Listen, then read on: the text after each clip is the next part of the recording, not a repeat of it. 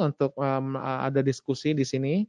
Apakah rumah sakit uh, Bapak Ibu termasuk menjadi bagian dari potensi kesehatan daerah yang ada dalam rencana kontingensi daerah?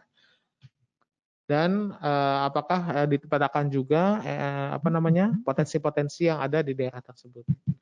Uh, silakan, Mbak Happy. Baik, terima kasih Bapak Ibu. Jadi kita sudah tadi membahas terkait potensi yang di luar eksternal ya, logistik. Untuk kebutuhan logistik. Ini silakan Bapak Ibu yang ingin memberikan komentar. Yang pertama itu apa rumah sakit Anda termasuk menjadi bagian dari potensi kesehatan daerah dalam rencana konsidensi daerah. Kemudian yang kedua, apakah sumber daya kesehatan di daerah Anda terpetakan dengan apa ini? terpetakan dengan baik. Silakan. Buat Bapak Ibu yang raise hand ada siapa itu, Pak? Ada siapa, Mas? Aku nggak bisa, nggak kebaca ya, Mas. Iya, dari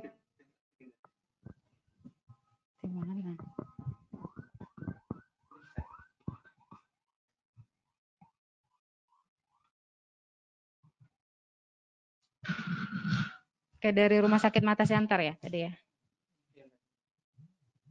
Oke.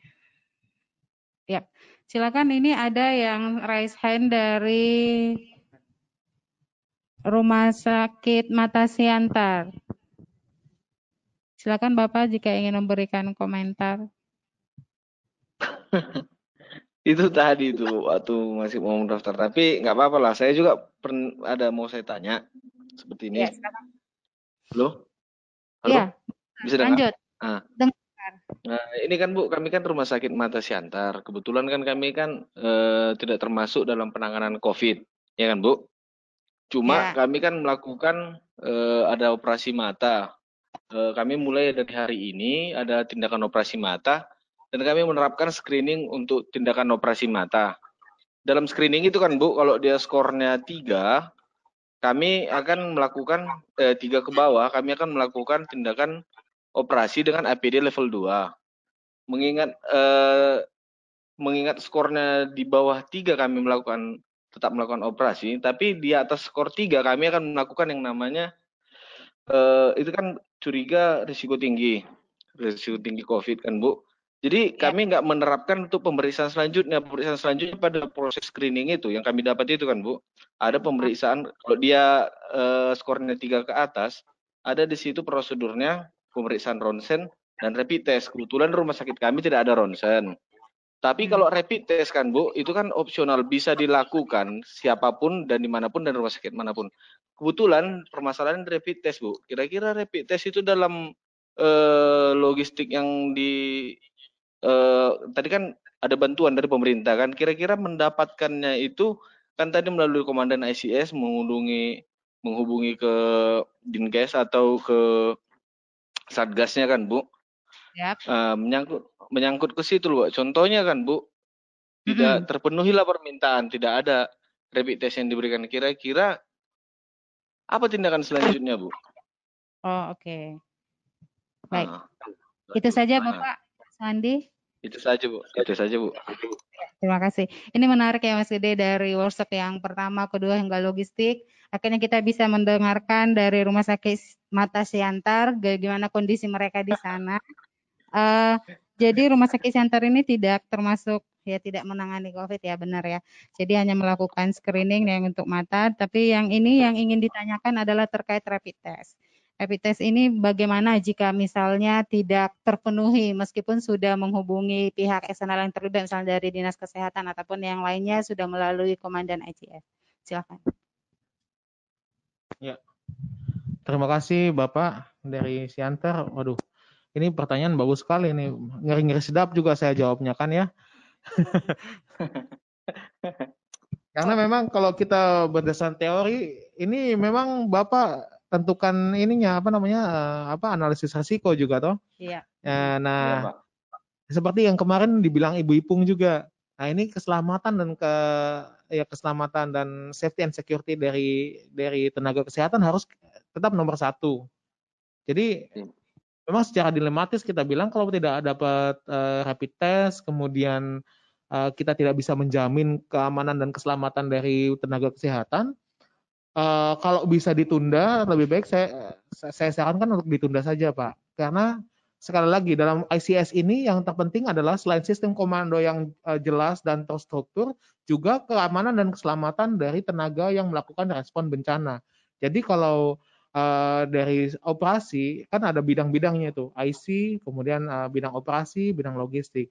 Bidang operasi bilang tidak bisa kita nggak bisa kerjakan ini kalau uh, tenaga kesehatan kita tidak aman.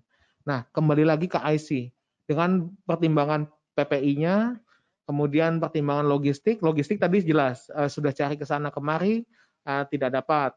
Balik ke IC lagi, IC yang memutuskan bahwa kalau bisa ini kita tunda saja. Kalau kalau nggak life saving ya Pak ya. Bahkan uh, pun kalau menurut saya pun uh, ini agak dilematis juga kalau life saving pun kalau misalnya keselamatan dari tenaga kesehatan itu tidak bisa dijamin, uh, lebih baik satu bisa kita rujuk atau kita tunda Pak.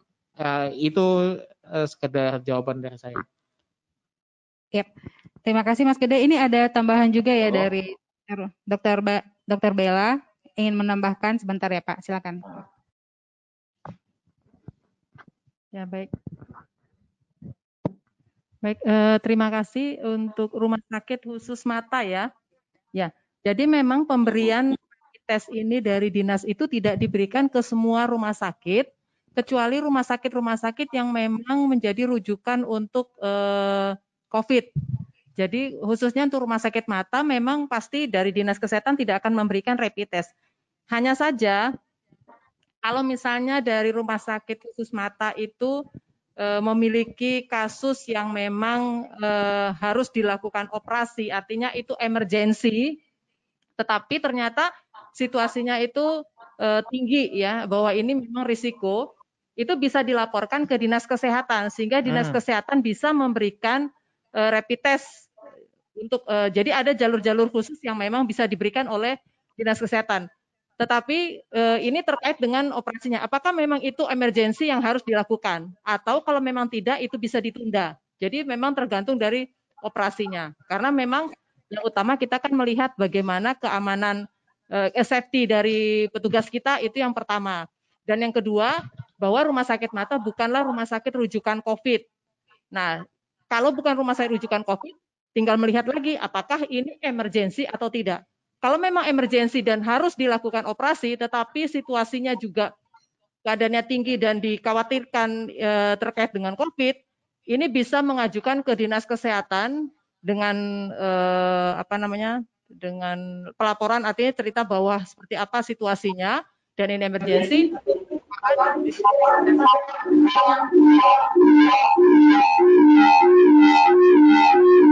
Halo.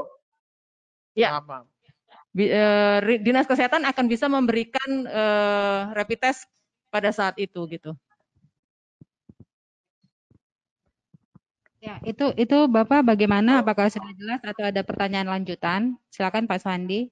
Nah, cukup jelas Bu, tapi saya ada mau nanya dikit lagi Bu. Kan gini, ya memang kami tidak termasuk rumah sakit yang menangani COVID, ya kan Bu? Ya. Uh, pada kasus-kasus tertentu uh, sebelumnya kami menunda operasi elektif dan diprioritaskan ke emergensi. Oke, kami ketika kami menunda operasi mata contohnya contohnya katarak kan elektif kan Bu bisa dilaksanakan berikutnya. Cuman permasalahannya di sini Bu ada beberapa ada dua masalah. Satu ketika kami menunda terlalu lama, itu kan ada terjadi penumpukan jadwal. Kami kan membuat jadwal tidak langsung diperiksa hari ini, layak dioperasi langsung dioperasi tidak seperti itu bu tapi di jadwal dari bulan lalu bulan lalu bulan lalu jadi ada penumpukan terakhirnya eh, klien tersebut sering mengunjungi rumah sakit untuk menanyakan apa jadi terjadilah dilema di situ satu kan bu jadi kami dengan dengan berbagai cara kami menerapkan prinsip uh, screening untuk kamar bedah ketika melakukan tindakan bedah. Jadi kami melaksanakan operasi elektif hari ini, tapi dibatasi jumlahnya dengan berbagai uh, standar lah Bu, seperti screening ada, baru pembatasan uh, jumlah uh, operator di ruang operasi dan lain sebagainya. Jadi kalau kami menunda, kemungkinan kami sudah melakukannya kemarin. Cuma untuk operasi eh, dengan ada penundaan itu penumpukan yang terjadi bu. Permasalahannya dilemanya di situ bu. Eh, protes dari klien. Satu kan bu. Baru kedua emergency. Ketika terjadi tindakan emergency. Contohnya kayak eh, adanya paparan benda asing masuk ke mata kayak eh, kan sering datang kejadian kena tusuk paku atau masuk benda lain ke matanya ketika kami mau melakukan itu kan eh, itu kan tindakan bedah operasi kecil atau pengangkatan lah kan Bu. Bisa terjadi dalam. Kami melakukan screening dulu. Tapi ketika kami menemukan screening itu skornya di atas tiga artinya risiko tinggi kan Bu eh, apabila dilakukan tindakan. Nah, di situ kami, Bu. Ketika kan di alur yang kami dapat itu, Bu, di eh, skor di atas tiga harus dilakukan rapid test dan pemeriksaan ronsen. Di situ kami, ih, ronsen tidak bisa dilakukan karena kami tidak ada ruangannya kan, Bu, tidak ada fasilitasnya tapi rapid test memungkinkan. Jadi nggak mungkin kami membiarkan orang yang keadaan emergency itu tidak dilakukan tindakan, Bu. Sementara itu kan mana ya bilangnya? Uh, emergency juga, Bu, yang langsung kontak langsung dia, Bu. Dilakukan ya. tindakan. Apa nggak harus emergency seperti itu di rapid test juga, Bu? Kira-kira? Ya, terima kasih. Bisa ditangkap pertanyaannya ya, Mas Gede ya? Ya. ya. Oke, silakan. Ya, sangat mengerti sekali, Bapak. Memang situasi seperti ini Eh, banyak-banyak pertimbangan sekali. Seperti yang uh, kita juga dapatkan kemarin adalah uh, analisis risikonya bagaimana. Karena di dengan ICS ini tetap sekali lagi saya ulangi lagi keselamatan dan keamanan petugas kesehatan adalah tetap nomor satu. Memang ini operasi mata ya Pak ya, memang agak susah sekali kalau udah emergensi. Uh, juga kita juga concern dari teman-teman anestesi dan uh, apa namanya uh, spesialis emergency medis yang di, di IGD itu juga memiliki concern yang sama. Pilihannya adalah nyawa sudah kalau sudah seperti itu nyawa dia atau nyawa tenaga kesehatan kan seperti itu. Nah, itulah uh, kenapa fungsi dari PPI di sini sangat penting sekali bersama dengan logistik untuk menjamin ketersediaan alat-alat yang benar-benar untuk mengamankan si uh, tenaga kesehatan sendiri. Nah, uh, ini mungkin silakan dari ito-itonya Bapak ini Oh, Ya, jadi memang uh, yang perlu disiapkan memang mungkin uh, Mas Gede sudah menyampaikan ya juklak-juklak yang dipersiapkan. Jadi masing-masing rumah sakit itu khususnya untuk mata mungkin sudah memiliki SOP SOP terkait dengan ini. Jadi kalau misalnya kayak orang yang uh, tadi ya tertusuk matanya atau ada korpus elenium atau keadaan yang memang emergensi yang harus dilakukan, ini saya juga nggak ngerti ya, maksudnya uh, perhitungan dari resiko yang disebut dengan uh, kalau tiga ke atas itu ya apa saja yang di, di screening sehingga itu menjadikan keputusan untuk pengambilan ya melakukan rapid test ya. Karena memang kalau memang dia uh, emergensi dan memiliki tadi yang sudah saya sampaikan di awal dan memang memiliki uh, screening yang memang harus dilakukan rapid test, ya memang harus diminta ke dinas kesehatan. Tapi kalau memang dari screening juga rasanya sepertinya uh, ya saya nggak tahu juga nih yang sampai uh, tiga itu uh, apa ya? Maksudnya di, dari mata tadi sudah ada diskusinya nggak ya? Saya nggak.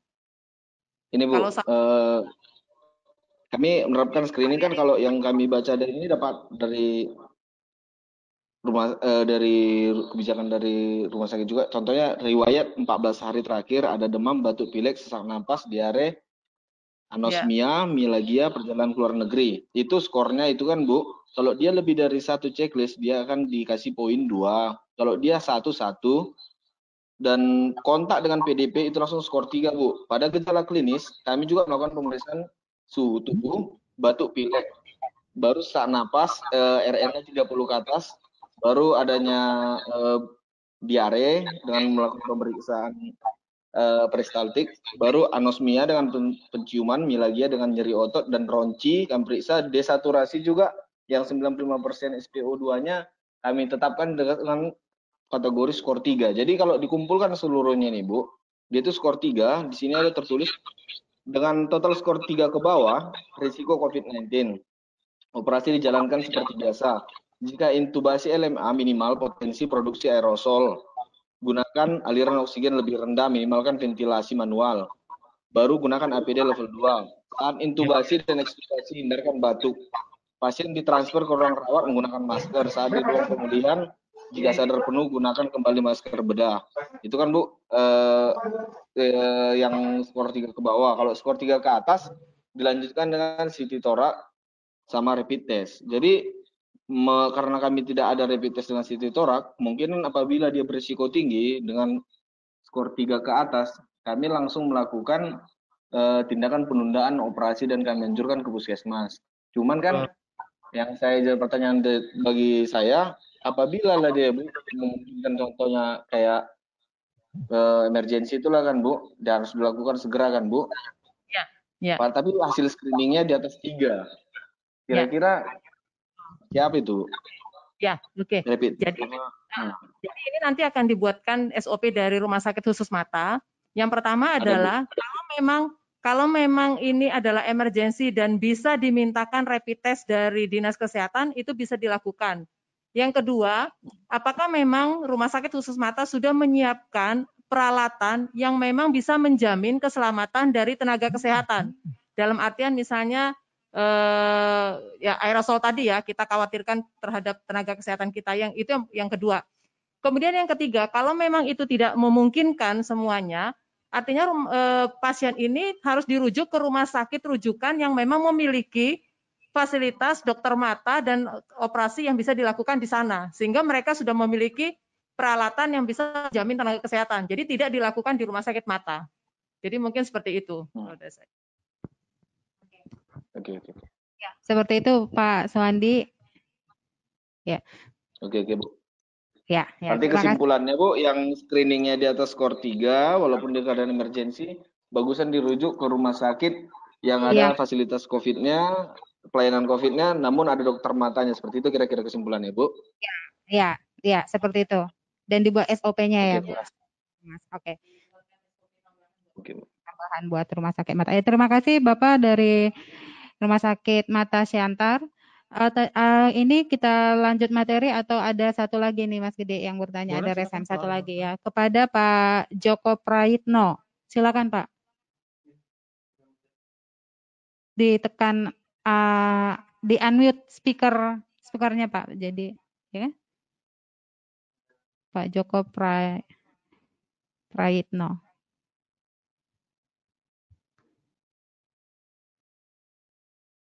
Silakan di Monggo Pak Joko di unmute Pak. Di unmute dulu yang ada gambar speaker. Dipencet speakernya Pak. Mikrofon, gambar mikrofon ya. Bisa? Oh, se nah, sepertinya belum bisa. Kalau dari via chatting ada nggak? Oh, belum ada. Oke, kita lanjut saja dulu materinya. Nanti akan kita lanjutkan lagi untuk diskusi.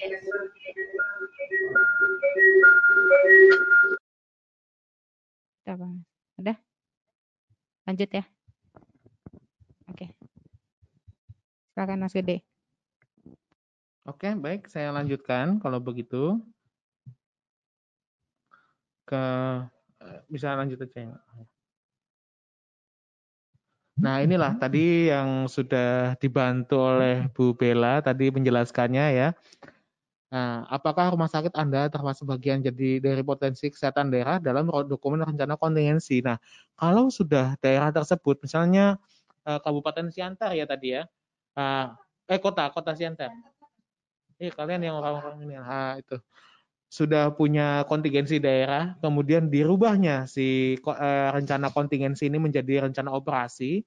Yang kita harapkan dari Dinas Kesehatan adalah mempunyai peta operasi jadi peta operasi atau peta respon ini akan memetakan oh rumah sakit uh, rumah sakit mata Siantar tuh di sini, kemudian mana rumah sakit terdekat yang memiliki fasilitas COVID. Nah, itulah kemarin uh, di dua minggu yang sebelumnya ya Bapak Ibu, uh, Dr. Hendro sudah menjelaskan tentang konsep rujukan uh, dalam ICS di penanganan COVID ini. Nah, itu ICS itu sangat bersinergi satu dengan yang lain dan kita tidak bisa terlepas dari itu. Di situlah fungsinya uh, sistem rujukan di ICS ini.